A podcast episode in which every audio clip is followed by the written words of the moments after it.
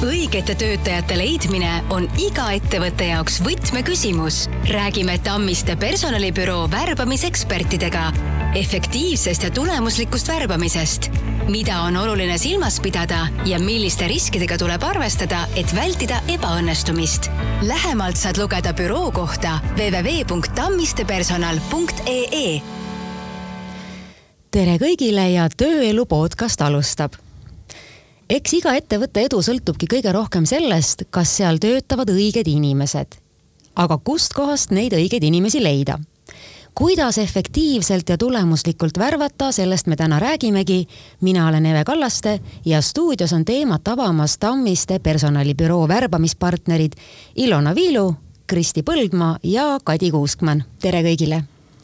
tere! tere! tere! No mina kujutan ette, et ettevõttes ähm, just niisuguse inimese leidmine, keda kõige rohkem vaja on, ei ole nagu sugugi lihtne.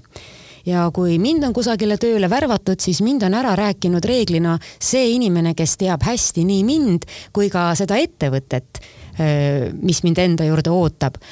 aga nii vist on enamasti siis, kui on tegemist nagu siseringi inimestega ja,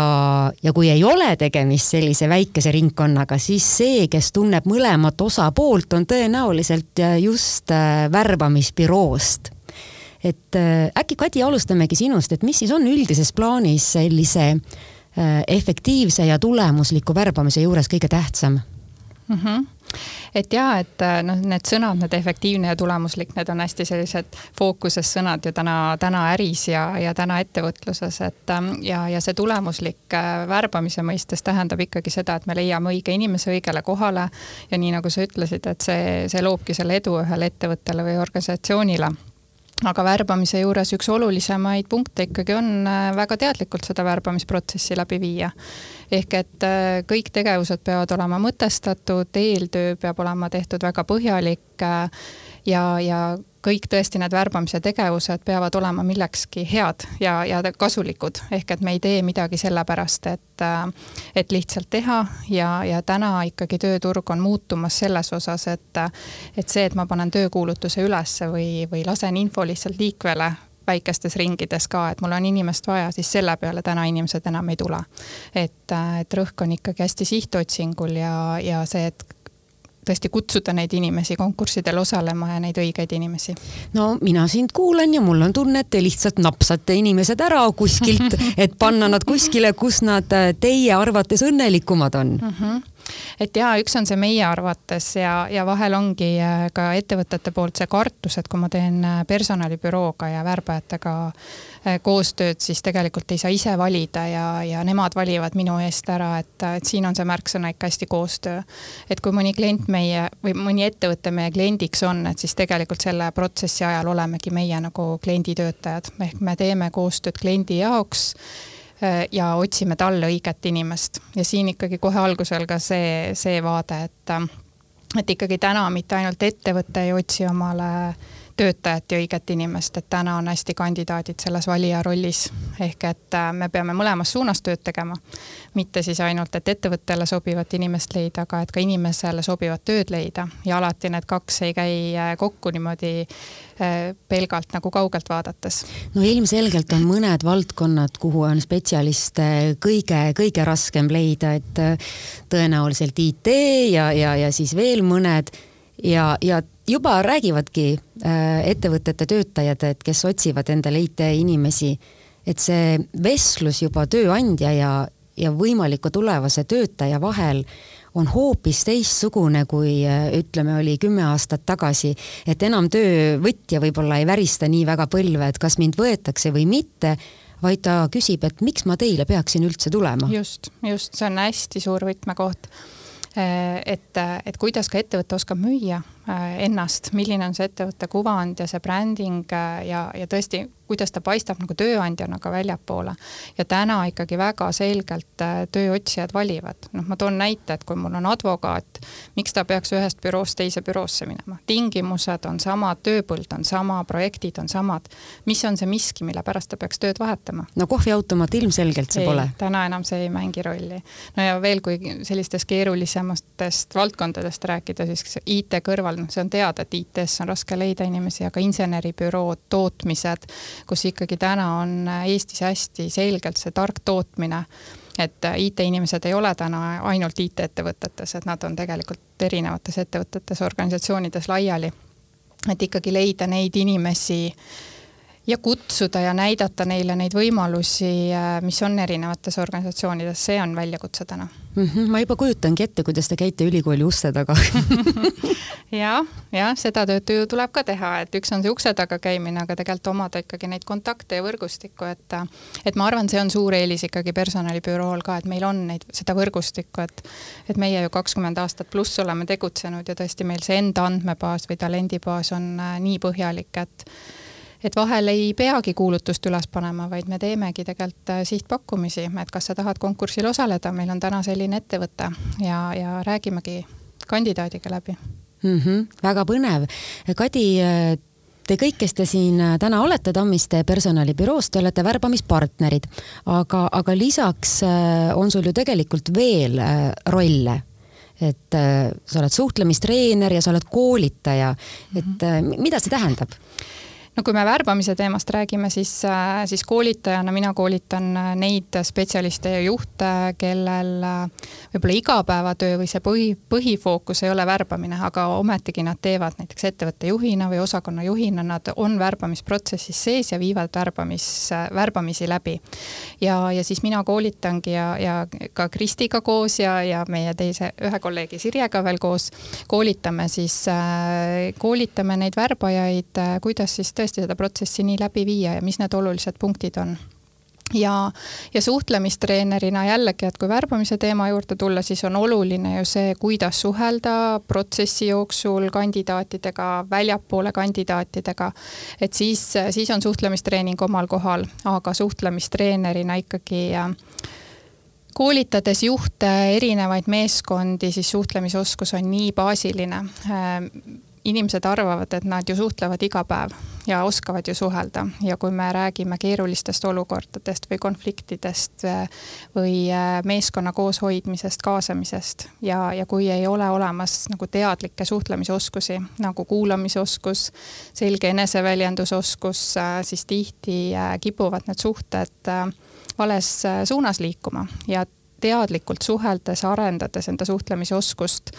Äh, lihtsalt äh, juhtimiskompetents tõuseb, inimese suhted paranevad, koostööd paranevad, et see on hästi baasiline. ja mina teengi siis neid suhtlemistreeninguid kaaskoolitajatega mm. -hmm. niisiis, Kadi ja Kristi on Ilona väga ära koolitanud. sinu põhitegevus, Ilona, on siis nagu värbamine, et kuidas see välja näeb mm? -hmm ja et, et minu fookus on värbamisel ja, ja minu laual on sellised äh, keerulised äh, värbamisprojektid, et äh, ma olen, olen värbamispartneri rollis, mis siis tähendab seda, et ma lähen ettevõttesse sisse ja, ja räägin siis ettevõtte Äh, juhtidega läbi, et keda neil täpsemalt vaja on. ja siis paneme fookuse paika ja hakkame sealt edasi minema.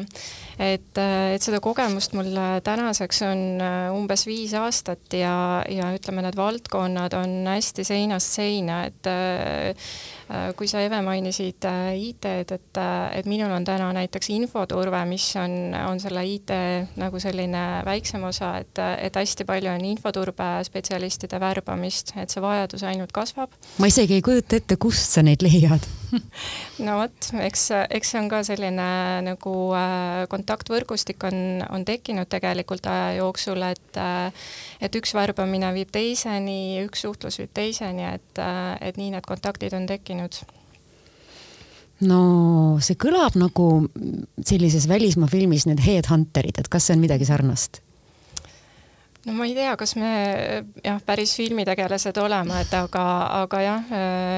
midagi ta nagu, nagu filmi sarnast võib-olla on, et, et seal on sellised äh, kindlad äh, nagu põhimõtted, mille järgi tegutseda, järjekindlus, sihikindlus, äh, selline pidev töö, et, et see viib kindlasti sihile ma nagu arvan, et eh, ega sa ju ei saa rääkida seda tööd ilusamaks või kuidagi ahvatlevamaks, kui ta tegelikult on ja sa ei saa ka nagu ettevõttele rääkida sellele kandidaadile kuldset kuud selga. Et äh, sa pead ju olema hästi realistlik, vastasel juhul on varsti mõlemapoolne pettumus jaa, kindlasti äh, värbamise juures on äh, oluline ausus. et, äh, et kui, kui ka mina värbamispartnerina lähen ettevõttesse, et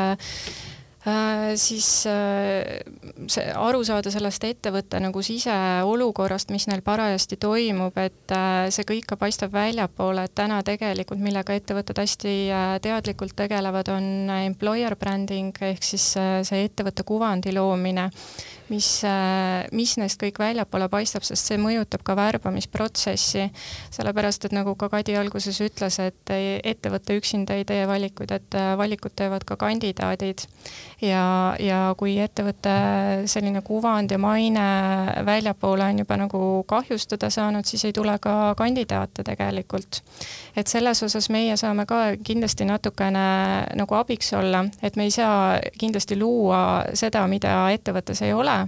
aga kui me teame näiteks, et ettevõte hästi teadlikult juba tegeleb äh, maine parandamisega, siis me saame seda ka kommunikeerida kandidaatidele. et, et kui me ise kutsume kandideerima inimesi et, et me saame seda juurde rääkida ja põhjendada, et mul on lihtsalt ka üks näide ühest kliendist, kelle kuvand väljapoole oli, oli see, et äh, neil on pidev ületöötamine, inimesed oma vabast ajast teevad tööd. jah, mingi hetk see oligi niimoodi, aga nad hakkasid sellega ka teadlikult tegelema ja seda me saime ka väljapoole siis äh, rääkida, et, et mis sammud on selleks tehtud ja, ja mida edasi plaanitakse teha nii et ettevõtte sellise avaliku fassaadi üleviipamisega te niivõrd ei tegele, kuivõrd see, et te mhm. otsite sealt seest välja need ettevõtte tegelikud tugevused. just, just. et neid me saame jah kommunikeerida. ja kui raske see on, ma kujutan ette, et ega see noh, sa pead ikka mitu korda veenma, et need asjad on tõesti nii, nagu te ütlete, kui see kuvand on juba natukene nagu ütleme, praguline või kannatada saanud. No või see... teete te lausa kampaania? Äh, nii ja naa, et, äh, et eks see, see algab kõik sellest, et me peame ettevõtte enda esindajatega läbi arutama äh, need valuküsimused, et, et need küsimused, mida tõenäoliselt kandidaadid meilt küsivad ja et mida me saame vastata, mis on täna selleks ära tehtud. et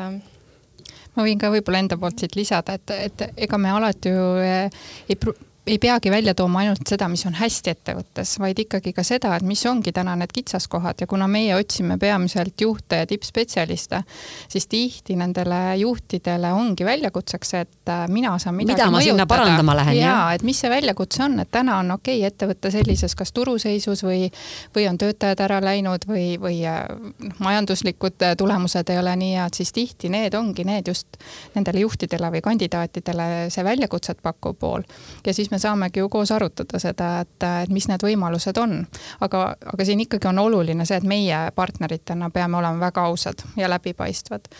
Ja vahel on ikkagi ka see, et ettevõtted ise ei ole läbi mõelnud neid teemasid. vot seda ma tahtsingi just küsida, et kui äh, suur väljakutse on personalibüroole näiteks teha ka ettevõttele selgeks, et äh, on vaja luua ja hoida seda kuvandit, mida sa nagu tahad äh, presenteerida, ma, ma, ma arvan, et see ikkagi on teinekord päris paras ettevõtmine ja no see sõltub, äh, sõltub ettevõttest. et äh, tegelikult vahel on ka niimoodi, et läbi meie värbamise jõuab ettevõtteni väga väärtuslik info, et jõuabki see kuvand, mis, mis neil, neist nagu väljapoole peegeldub, mida nad ise võib-olla ei teagi et, et me saamegi äh, kandidaatidelt tagasisidet, ühed äh, ja teised põhjused, miks nad võib-olla ei taha kandideerida sellesse ettevõttesse ja, ja see on väga väärtuslik info, et et mida meie saame siis edastada ettevõtte juhtidele, et aga nemad peavad ka siis olema valmis, valmis seda vastu võtma, seda tagasisidet mm. -hmm kuidas teie see sisetunne on, et äh, on neid ettevõtteid järjest rohkem, kes teadlikult enda selle kuvandi loomisega ja hoidmisega ja tõele vastavusega tegelevad? no sisetunde põhjal kindlasti ja neid ettevõtteid täna on järjest rohkem, et äh, et suurtes ettevõtetes on isegi eraldi inimesed selleks äh, tööle võetud, kes tegelevadki puhtalt employer branding'u poole kaardistamisega ja, ja tegevustega, et, et seda siis parandada kogu äh, meie elu tegelikult on muutumas järjest läbipaistvamaks, et äh, erinevates valdkondades. mõnes mõttes teeb see teie töö nagu lihtsamaks, mulle tundub. et äh, keegi ei saa võib-olla ennast müüa kui oskustega inimest, mida neil tegelikult ei ole, neid oskusi, ja ka ettevõte väga ei saa endast luua sellist muljet, mis ei, ei vasta nagu reaalsusele, et see iseenesest teeb kogu ju teie valdkonna ja, ja üldse värbamisprotsessi kuidagi noh, läbipaistvamaks, ausamaks, nii nagu see ühiskond praegu ongi ja ilmselt on töö ka selle võrra võib-olla lihtsam ma ei tea, kas kas just lihtsam, jah? kas just töö lihtsam on, et, et töö, töökohad muutuvad pigem nagu spetsiifilisemaks, aga aga tundub, et kui, kui varem vaadati puhtalt äh, inimese oskuseid, et tal oleks vastav kompetents olemas, siis täna vaadatakse isiksust, et äh, keda me ikkagi värbame et kuidas see inimene meie hulka sobib. on selliseid ettevõtteid juba ka, kes kaasavad näiteks äh, värbamisprotsessi ka selle osakonna, kuhu see inimene tõenäoliselt tööle läheb, et ütleme, kas tema tulevased kolleegid tunnevad, et see on meie inimene või siis mitte, et kuidas see käib? Et võib-olla mul on siin just üks hiljutine konkurss on lõppemas, et, et inimene on välja valitud ja, ja mina algul kartsin isegi, et see protsess tundub mulle selle ettevõtte või kontserni poolt päris pikk ja lohisev nii ajaliselt kui, kui tegevuste mõttes. et äh, lõppkandidaadid kohtusid äh, nelja erineva kohtumise käigus siis ettevõtte inimestega. ja kui nüüd äh, inimene välja valiti ja nad töölepingu sõlmisid, siis minule tagasisideks andis see kandidaat just selle info, et ta sai teha väga teadliku valiku ehk, kandidaat sai teha tead, väga teadliku valiku, et ta oli kohtunud nii mitme inimesega, oma juhtidega, oma kolleegidega ja ta päriselt tahab sinna meeskonda minna ja see on ülioluline vaade täna kandideerimistel. ehk et need ohukohad, et miks vahel ei õnnestu, siis ikkagi üks koht võib olla see, et tegelikult ma ei tea neid inimesi, ma ei tea neid suhtumisi, neid hoiakuid, väärtusi. et, et kandidaat tahab nendest teada saada ja see algab minu meelest äh, praeguse aja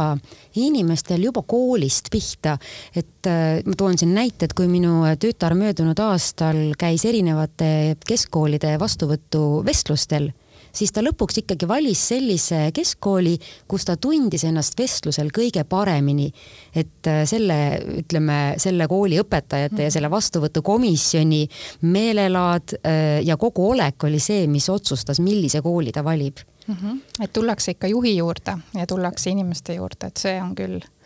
Et jah, et. ja valitakse ka inimest. heaks spetsialistiks ju võivad nad ennast kõik pidada, aga, aga kas nad just tunnevad, et see on hea koht, kuhu, kuhu minna, eks ole, või see hea seltskond, kuhu minna? Kristi, aga milline on otsinguprotsessi eeltöö? Ehk siis millised tegevused või ettevalmistused on vajalikud, et see otsingu õnnestumise võimalus oleks nagu algusest peale maksimaalne ehk siis kui pikk see ettevalmistamine teie jaoks on, et äh, te ju ometi ei lähe mütsiga lööma? jaa, eks see ikka on jälle erinev kliendist, et äh, kui palju on äh, klient ise ette valmistanud ja, ja, ja milline info meile tuleb, et pahatihti on see, et et meile jõuabki ju ainult töökuulutus, millele öeldakse, et me ei ole leidnud inimest. Või siis ametijuhendist väike jupikene ja öeldakse, et sellist või eelmine kord panime kokku profiili kümme aastat tagasi, et seda inimest on vaja nii et siis hakkab meie töö juba tegelikult väga aktiivselt pihta, et sealt meie veel otsima ei hakka. et äh, meie jaoks on efektiivsus äh, värbamisprotsessis tähendab tegelikult väga põhjalikku eeltööd, et me päris palju panustame sellesse aega, ressurssi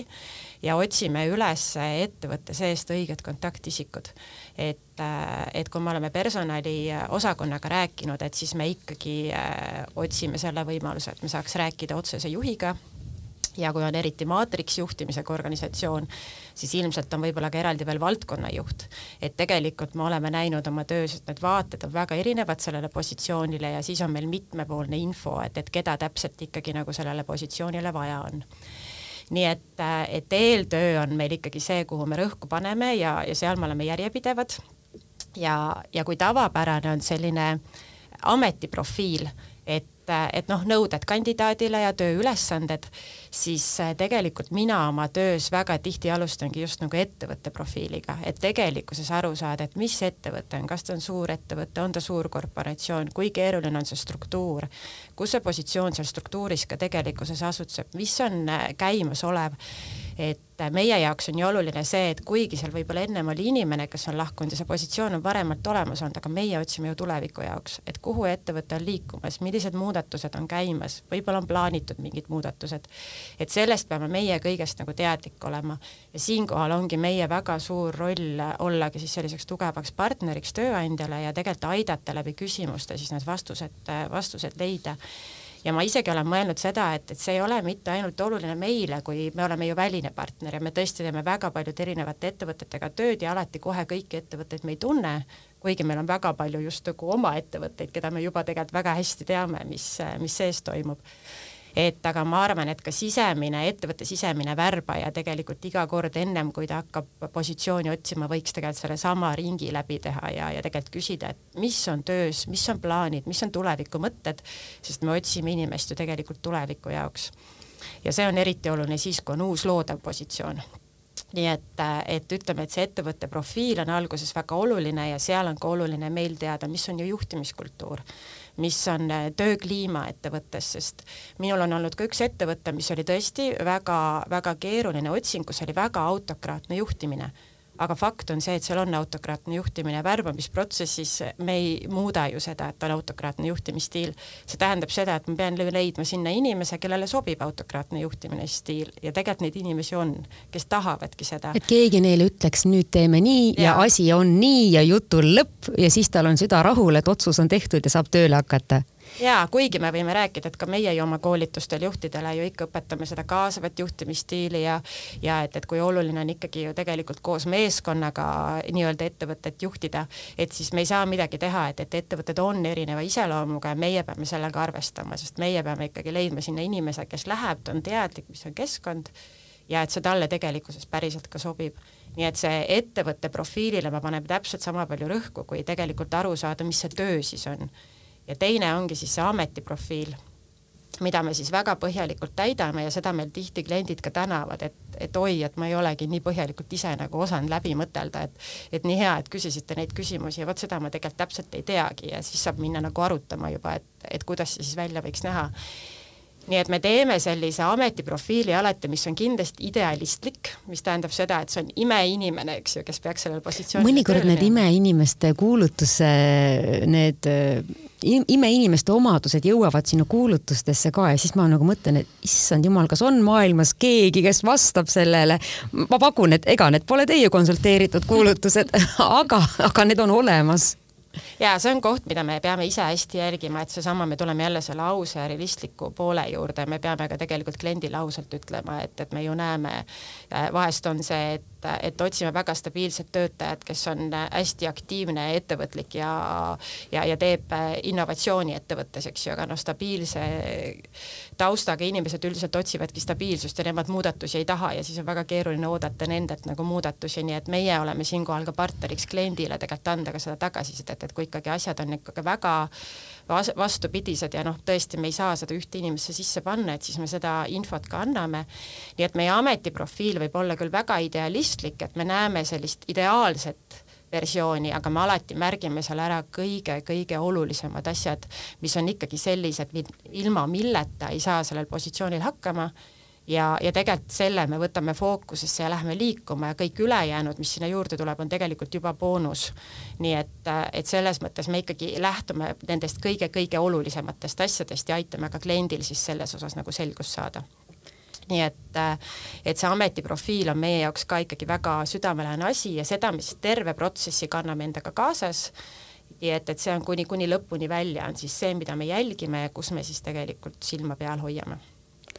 see, mis sa rääkisid, äh, tekitas must selle mõtte, et tulevikus võib olla ka antud valdkond teie jaoks äh, tunduvalt lihtsam, sest hiljuti ma rääkisin ühe äh, eraõpetajaga,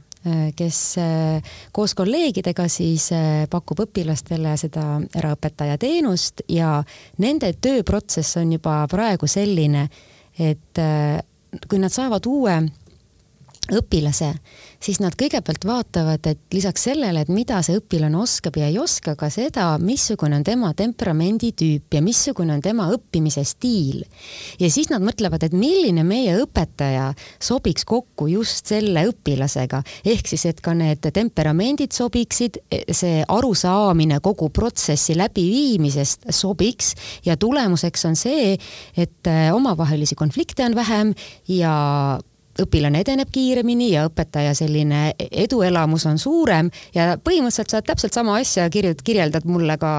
kuidas teie viite kokku siis ütleme töötajat ja tööandjat, et kõigepealt kaevute sügavuti mõlema osapoole olemusse ja, ja siis hakkate vaatama, et kuidas seda puslet äh, kokku sobitada. ma kujutan ette, et see on ka selline suur-suur eneseharimine pidevalt, et tooge mulle nüüd näiteid, missugustest mitmekesistest valdkondadest valdkondadest te peaaegu et detailideni läbi oma töö teate no mina armastan väga tootmisi ja eriti mulle meeldivad puidutootmised, et mul meeldib, et alati ju otsingu algusel ka me külastame klienti ja, ja tootmiste puhul me teeme ka need tootmise ringkäigud seal et, et puit ja praegu mul on üks metallivaldkonna tootmise otsing, et või tootmisjuhi otsing. et mina ikka väga armastan neid tootmisi, et kogu see protsess ja loogiline ja layout ja kuidas need on üles ehitatud ja kuidas. kui väik... nutikas kõik on, eks ole. kui nutikas kõik ja no jällegi tuleme selle IT juurde tagasi, et millised automatiseeritud süsteemid ja, ja kõik, mis seal on, et äh, väga äge, ma alati vaimustun Ilona, mis valdkond sinu jaoks on selline, et kuidas see võimalik on, et ma sellest nii palju tean? No ma arvan, et äh, esiteks, mida Kadi tõi, et, et tootmised ongi jah, need on meil kõigil laual, et see kuidagi, kuidagi on nii läinud ja, ja selles osas on, on meil seda nagu kompetentsi ja teadmist tulnud. aga jah, mis mina ennem tõin, on, on kindlasti infoturve, et, et on ka kuidagi niimoodi läinud ja, ja kolmas on äh, ka sellised finantsettevõtted, et, äh, et erinevate Big Fouri ettevõtetega näiteks koostööd teinud ja, ja on ka väga põnev valdkond, kuhu süvitsi minna, sest seal on nii palju detaile, detaile, nüansse, nende enda karjääri äh, struktuur, kuidas see kõik on üles ehitatud, et ka täiesti omaette maailm. Kristi, oled nagu sina mõne valdkonna puhul ka mõelnud, et see on ju nii keeruline, et ma pean ennast sinna sisse puurima, et, et kas ma ikka saan hakkama? no võib-olla üks hea näide on see, et äh, kuidas minule on sattunud siis täna niisugune automaailm ja autovaldkond äh, kuidagi väga lauale ja, ja mina, kes ma olen ju tegelikult autovaldkonnas selline, kes äh, võtmega otsib parklast endagi autot taga, sest ma ikkagi automudelitest ja nendest ülesehitustest ikkagi tegelikult kuidagi, need ei hakka mulle külge. ja siis ma ikkagi mõtlen, et kuidas mina küll sinna autovaldkonda olen sattunud, aga kui see nina on sinna sisse pandud ja, ja näed nii seda müügi poolt, klienditeenindust, eks ju, seda töö töökoja poolt äh, juhtimist, eks ju, rahvusvahelisel tasandil veel, et, äh, et siis see läheb aina, aina põnevamaks, et siis ei ole see auto annab, et isegi mina märkan, et ma vaatan juba automudeleid ja, ja juba isegi mõned asjad hakkavad meelde jääma. nii et selles mõttes, et see oli minu jaoks täitsa üllatus, et mina sattusin sellega tegelema ja muidugi teine huvitav valdkond on kuidagi millegipärast tuleb, kui minu laual on hästi alati inseneeria poole pealt ja just praegu selline ka masinaehitus Äh, on olnud siis sellist päris nagu robotite ehitust, eks ju, et, et kuidagi need, need on nagu lauad sellised hästi nagu tehnilised pooled, et on siis kas juhtivad positsioonid või tippspetsialistid, et et see on ka selline huvitav, et, et siin tuleb mängu ka see, et, et me ju teeme Kadiga taga diskkoolitusi ja siis käitumisstiili poolelt mina olen ju inseneridele täitsa nagu vasta, vastastäht. Et see tähendab seda, et mina olen selline energiline, võib-olla palju rääkiv ja siis, äh, kui insener ja inseneriga pead siis tegema tööintervjuud, et siis ma pean hästi nagu mõtlema, et aa, et aga tema on ju hoopis see tavaliselt ikkagi C-täht diskist ja, ja ma tean siis, et mi, kuidas mina pean oma käitumist kohandada, et see intervjuu oleks nagu efektiivne, et oleks ta ikkagi nagu tulemuslik ja ma saaks selle info, mis seal vaja, sest ega insener ei taha ju palju rääkida ja üldiselt ta tahab rääkida ju oma tööst, mitte oma isikuomadustest. nii et selliseid nippe me peame oma töös kogu aeg kasutama, et et me peame suutma ennast, eks ühel hetkel olema seal juhi tasandil, teisel hetkel ikkagi väga sellise spetsiifilise spetsialisti tasandil. Ja see on vist see, mis meie tööga põnevaks teeb ilmselt see on ka see, miks me oleme võtnud selle arenduspoole ka ju endale juurde, sest me kuuleme neid lugusid ettevõtetest, me näeme, näeme, kuidas töötajaid koheldakse, kuidas juhid juhivad ja, ja sealt tulevad kõik need meie teemad, mis me oleme tegelikult koolitustesse sisse pannud. Ja, ja seetõttu me proovime ka olla abiks erinevate versioonidega siis ka nii juhtidele kui meeskondadele, et, et neid tööalasid teemasid siis seda keskkonda juba paremaks muuta, enne kui värbama peab hakkama ja sinu rolliks on ka selline coach'i roll ja koolitamise roll, et äh, keda sa siis koolitad? jaa, minul on jah, selles mõttes nagu mitu rolli, nad on küll hästi erinevad ja, ja tegelikult see iseloom selles töös on hästi erinev, aga nad hästi rikastavad üksteist. et noh, koolitamiste puhul noh, peamiselt ongi ikka need, needsamad, samad teemad, mis ma siin ka välja tõin et äh, üks on siis hästi see disk, äh, diskkoolitus, aga kui rääkida nüüd coaching ust ja, ja ma, mina olen tegelikult ka taustalt veel superviisor, et võib-olla ärimaailm tunneb seda coaching ut äh, hästi tugevalt, et see on sees, et, et on siis individuaalne üks-ühele coaching või on siis meeskonna coaching või ka grupi coaching, et et seda kõike pakun mina ja pakub tegelikult ka Sirje täna meie büroos nii et äh, seal me siis aitame tõesti äh, siis inimesel, on ta siis juht või on ta spetsialist või meeskond, kes on tulnud coaching usse, siis sellist eesmärki seada, tegevusplaane seada, tegelikult tegeleda oma tööalaste teemadega väga nagu sihitult, selgelt, struktuurselt, et sellel oleks ka see tulemus ja efektiivsus, nii nagu me täna räägime, eks ju, oleks aga ikkagi oluline. Ja inimene avastaks asju, mida ta võib-olla varem pole näinud. Supervisioon täna võib-olla ärivaldkonnas ei ole veel nii, nii tuntud ja, ja ka tegelikult on hästi oluline asi seal kõrval just nendele töötajatele, kes töötavad inimestega. ehk supervis-, superviisorina ma aitan samuti kas individuaalselt või meeskonnas äh, aru saada, noh näiteks juhil, et äh, et need olukorrad, mis tal täna ettevõttes on, mingid tööalased teemad, et kuidas need teda mõjutavad, eks, et miks ta mingis olukorras just niimoodi reageerib äh, või mõista ka näiteks oma alluvat, et miks ta selliselt reageerib, miks ta selliseid asju just niimoodi teeb, et supervisioon aitab siis äh, ühelt poolt on sealsama see eesmärgistamine, tegevusplaan, et on ka väga sihitud tegevus, aga mõista ka sinna taha, et miks need olukorrad just selliselt on ja milline on minu mõju äh, meeskonnale ja milline on näiteks nendega töötajate või olukordade mõju mulle et, et sealt siis teha juba vastavaid tööalaseid otsuseid ja lahendada mingisuguseid tööalaseid teemasid. et ja need on need, mida ma kannan ju kogu aeg ka värbamises kaasas, sest noh, enam ma ilma ikkagi coach ivate küsimata või siis supervi-, supervisioonist tulnud sellise keskkonna hoidmisega ma ju enam ei tee ju ühtegi tööintervjuu või kohtumist, et ma olen ju tegelikult kasutan neid samu tehnikaid nii kliendiga kohtudes, et aidata tal selgust saada, mida tal siis tegelikult päriselt vaja on, et mida me otsima läheme. ja teisipidi oleme me kandidaadile siis ju ka tegelikult kogu selle teekonna partneriks, et ka tema saaks aru, mida tema otsib, mis tal vaja on. ja me just ennem arutasime ka, et, et niisugune õnnestunud intervjuu ei tähenda ju alati seda, et oo oh jaa, see inimene sobib vaid õnnestunud intervjuu on ka see, et meie ühise vestluse käigus ka kandidaat saab aru ja me koos saame aru, et jaa, see positsioon polegi temale. et, et neid juhuseid on minul päris mitmeid olnud ja see rõõm, mis tuleb kandidaadi seest, et jaa, ma sain aru, see töö on selline, see positsioon on selline, jaa, tõesti, see pole mulle, ehk siis me ära hoidsime sellise pingelise neli kuud, kus nelja kuu lõpus siis öeldakse, võtab kandidaat või ütleb tööandja, et kuule, me ei sobi kokku et siis oleme selle peale mõeldakse rahul. päris vähe, kusjuures veel mulle tundub, et äh, et julgeda nagu öelda, et meie vestlus lõpeb sellega, et see pole päris see töö või et, et see pole päris see kandidaat, et võiks olla üldse nagu suhtumine rohkem selline, et see on täiesti okei okay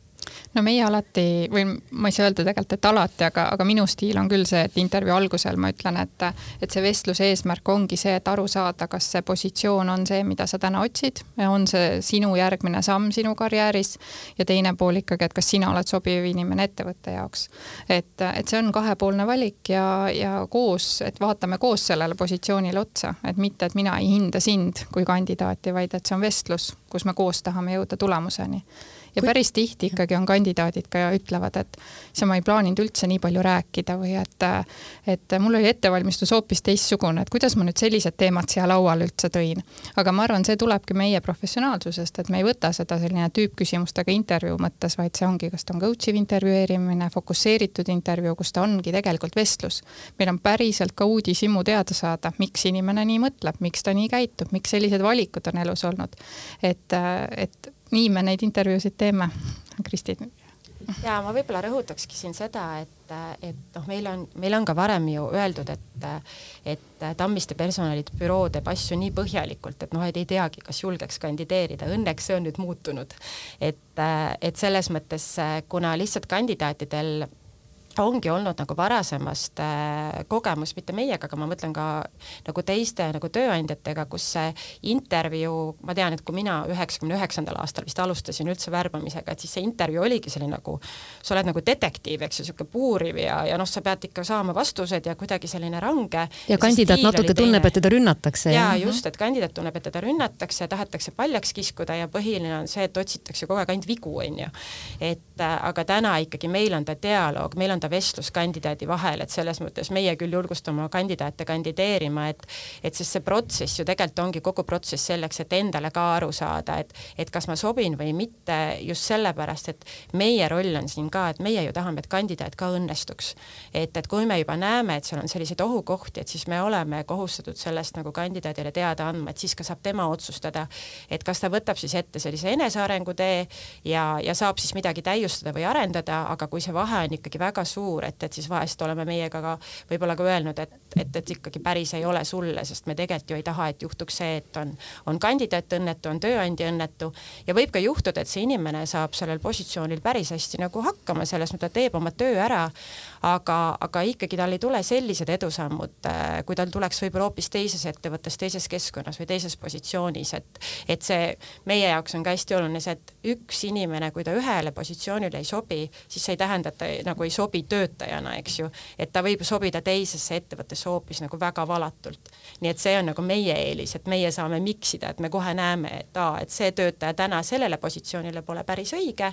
ja, ja tegelikult me näeme kõrvalt, et aga meil on teine ettevõte, kellel just, et sinna ta sobiks ja seal oleks see keskkond ja positsioon oleks tema jaoks ideaalne. nii et meie jaoks on jah, et klient õnnestuks ja õnnestuks kandidaat, et me kogu aeg vaatame ikka seda mõlemat vaadet Ilona, see tööjõuturg on praegu niisugune noh, mitte just liiga suurte valikutega, et kuidas nagu see värbamine sinu jaoks hetkel nagu käib, et, et mismoodi sa töötad, et see toimiks mm? -hmm et äh, selles mõttes jah, et äh, sellest täna kindlasti enam ei piisa, et äh, panen kuulutuse ja, ja ootan siis, et, et kes need kandidaadid on ja, ja saan valiku teha. et, et selle kuulutuse panemise ajal, et, et meil taustal käib hästi aktiivne töö just, just sihtotsingu tegemisega erinevatest kanalitest, et mis me ka ennem rääkisime, meie enda andmebaas et äh, kus mul on ka endal varasematest konkurssidest juba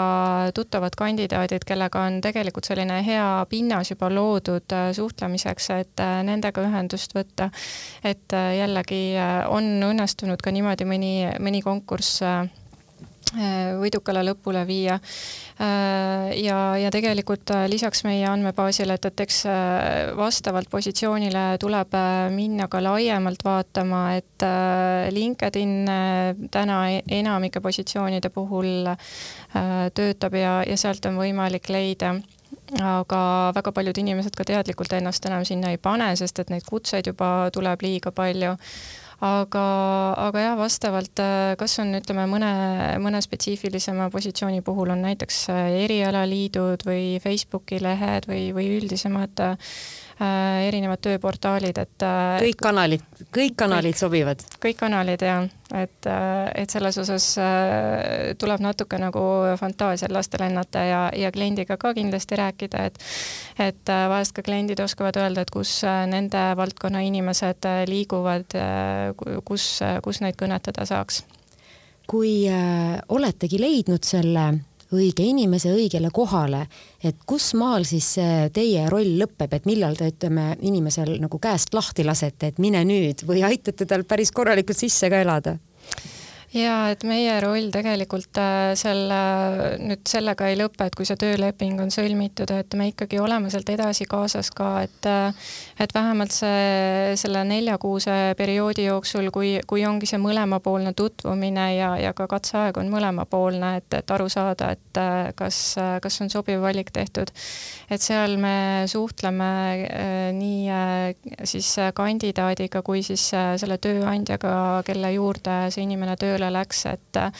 aru saada, et kuidas see sisseelamine õnnestub, et kas see töö on päriselt see, mida ta sinna tegema läks, et need eesmärgid saaksid täidetud. ja seal me jah, nagu äh, Äh,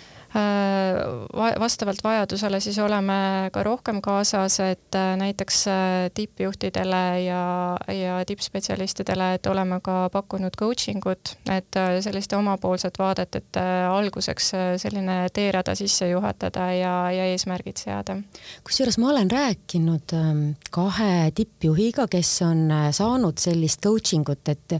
üks on siis olnud see, kellel on coach ja, ja teine on siis olnud see kes siis äh, õppis läbi selle mentorluse programmi ja nad mõlemad ütlesid, et see oli nagu nii põnev, see oli nii arendav ja et see teine juht kõrval oskab näidata äh, kuidagi teistmoodi seda, et kuidas mina näiteks juhina töötan et ma ise kujutan ette enda kohta igasugu asju, aga teine juht kõrval vaatab hoopis teistsuguse pilguga ja võib-olla mõnes mõttes ka selle pilguga, millega vaatavad tegelikult töötajad Mm -hmm. et ma arvan, et see on erinevad ettevõtted saavadki nagu erinevaid võimalusi pakkuda, et äh, ikkagi edukad tööandjad ja edukad ettevõtted on need, kus on see juhtimiskultuur ja juhtimistööriistad läbi mõeldud, et kui mul tuleb uus inimene tööle, on ta siis, noh, meie otsime tippspetsialiste ja juhte peamiselt, et me oskame sellest vaatest kõige enam rääkida, et, et kui mul uus juht tuleb, kuidas mina ettevõttena saan toetada? Et äh, kui ma pakungi talle sinna coach'i kõrvale, siis tegelikult ma ei pea ise kogu oma teadmist, kogemust äh, ja seda tuge pakkuda, vaid see coach saab pakkuda seal kõrval, et see pidev eneseareng ka juhina, kui ta on juba välja valitud, et see on hästi oluline suhtlemisoskus ilmselt mängib ka rolli ja inimeste suhtlemisoskused on ju väga-väga erinevad. et kuidas te kommunikeerite infot, kui inimene ei ole võib-olla ise kõige noh, rohkem selles pädev mm. -hmm. no siin on mitu poolt, et, et üks see kommunikatsioon kogu värbamisprotsessi ajal mida me kuuleme kandidaatidelt, kes äh, on kandideerinud kuhugi ettevõttesse ka juhtivatele positsioonidele, nad saadavad äh, ära oma kandideerimisdokumendid, koostavad põhjalikud CV-d, motivatsioonikirjad. Ja mis siis võib juhtuda, on see, et äh, sealt ei tule mingit vastust ehk et äh, kandidaadiga ei suhelda selle konkursi käigus, ta ei saa tagasisidet, et üldse on kätte saadud või need dokumendid või, või kui ta käib vestlusele ära, siis ta ei saa tagasisidet, kas temaga liigutakse edasi või mitte. ja, ja see on üks oluline asi, mida kindlasti värbamisbürood äh, ei luba juhtuda või meie ei lase, lase juhtuda sellel ja seda ka kliendid on meile öelnud, et tegelikult see on nii suur ajaline panus juba, et iga kandidaadiga põhjalikult vestelda, seda tagasisidet anda. ja seda peab oskama teha, et, et kuidas seda tagasisidet tagasisidet siis anda. ja teine pool suhtlemises ikkagi on ju tõesti, et kuidas ma läbi viin neid intervjuusid või vestlusi või kuidas ma suhtlen ka uue töötajaga, kui ta tuleb, et seal onboarding'u äh, protsessis. et siis need suhtlemisoskused äh,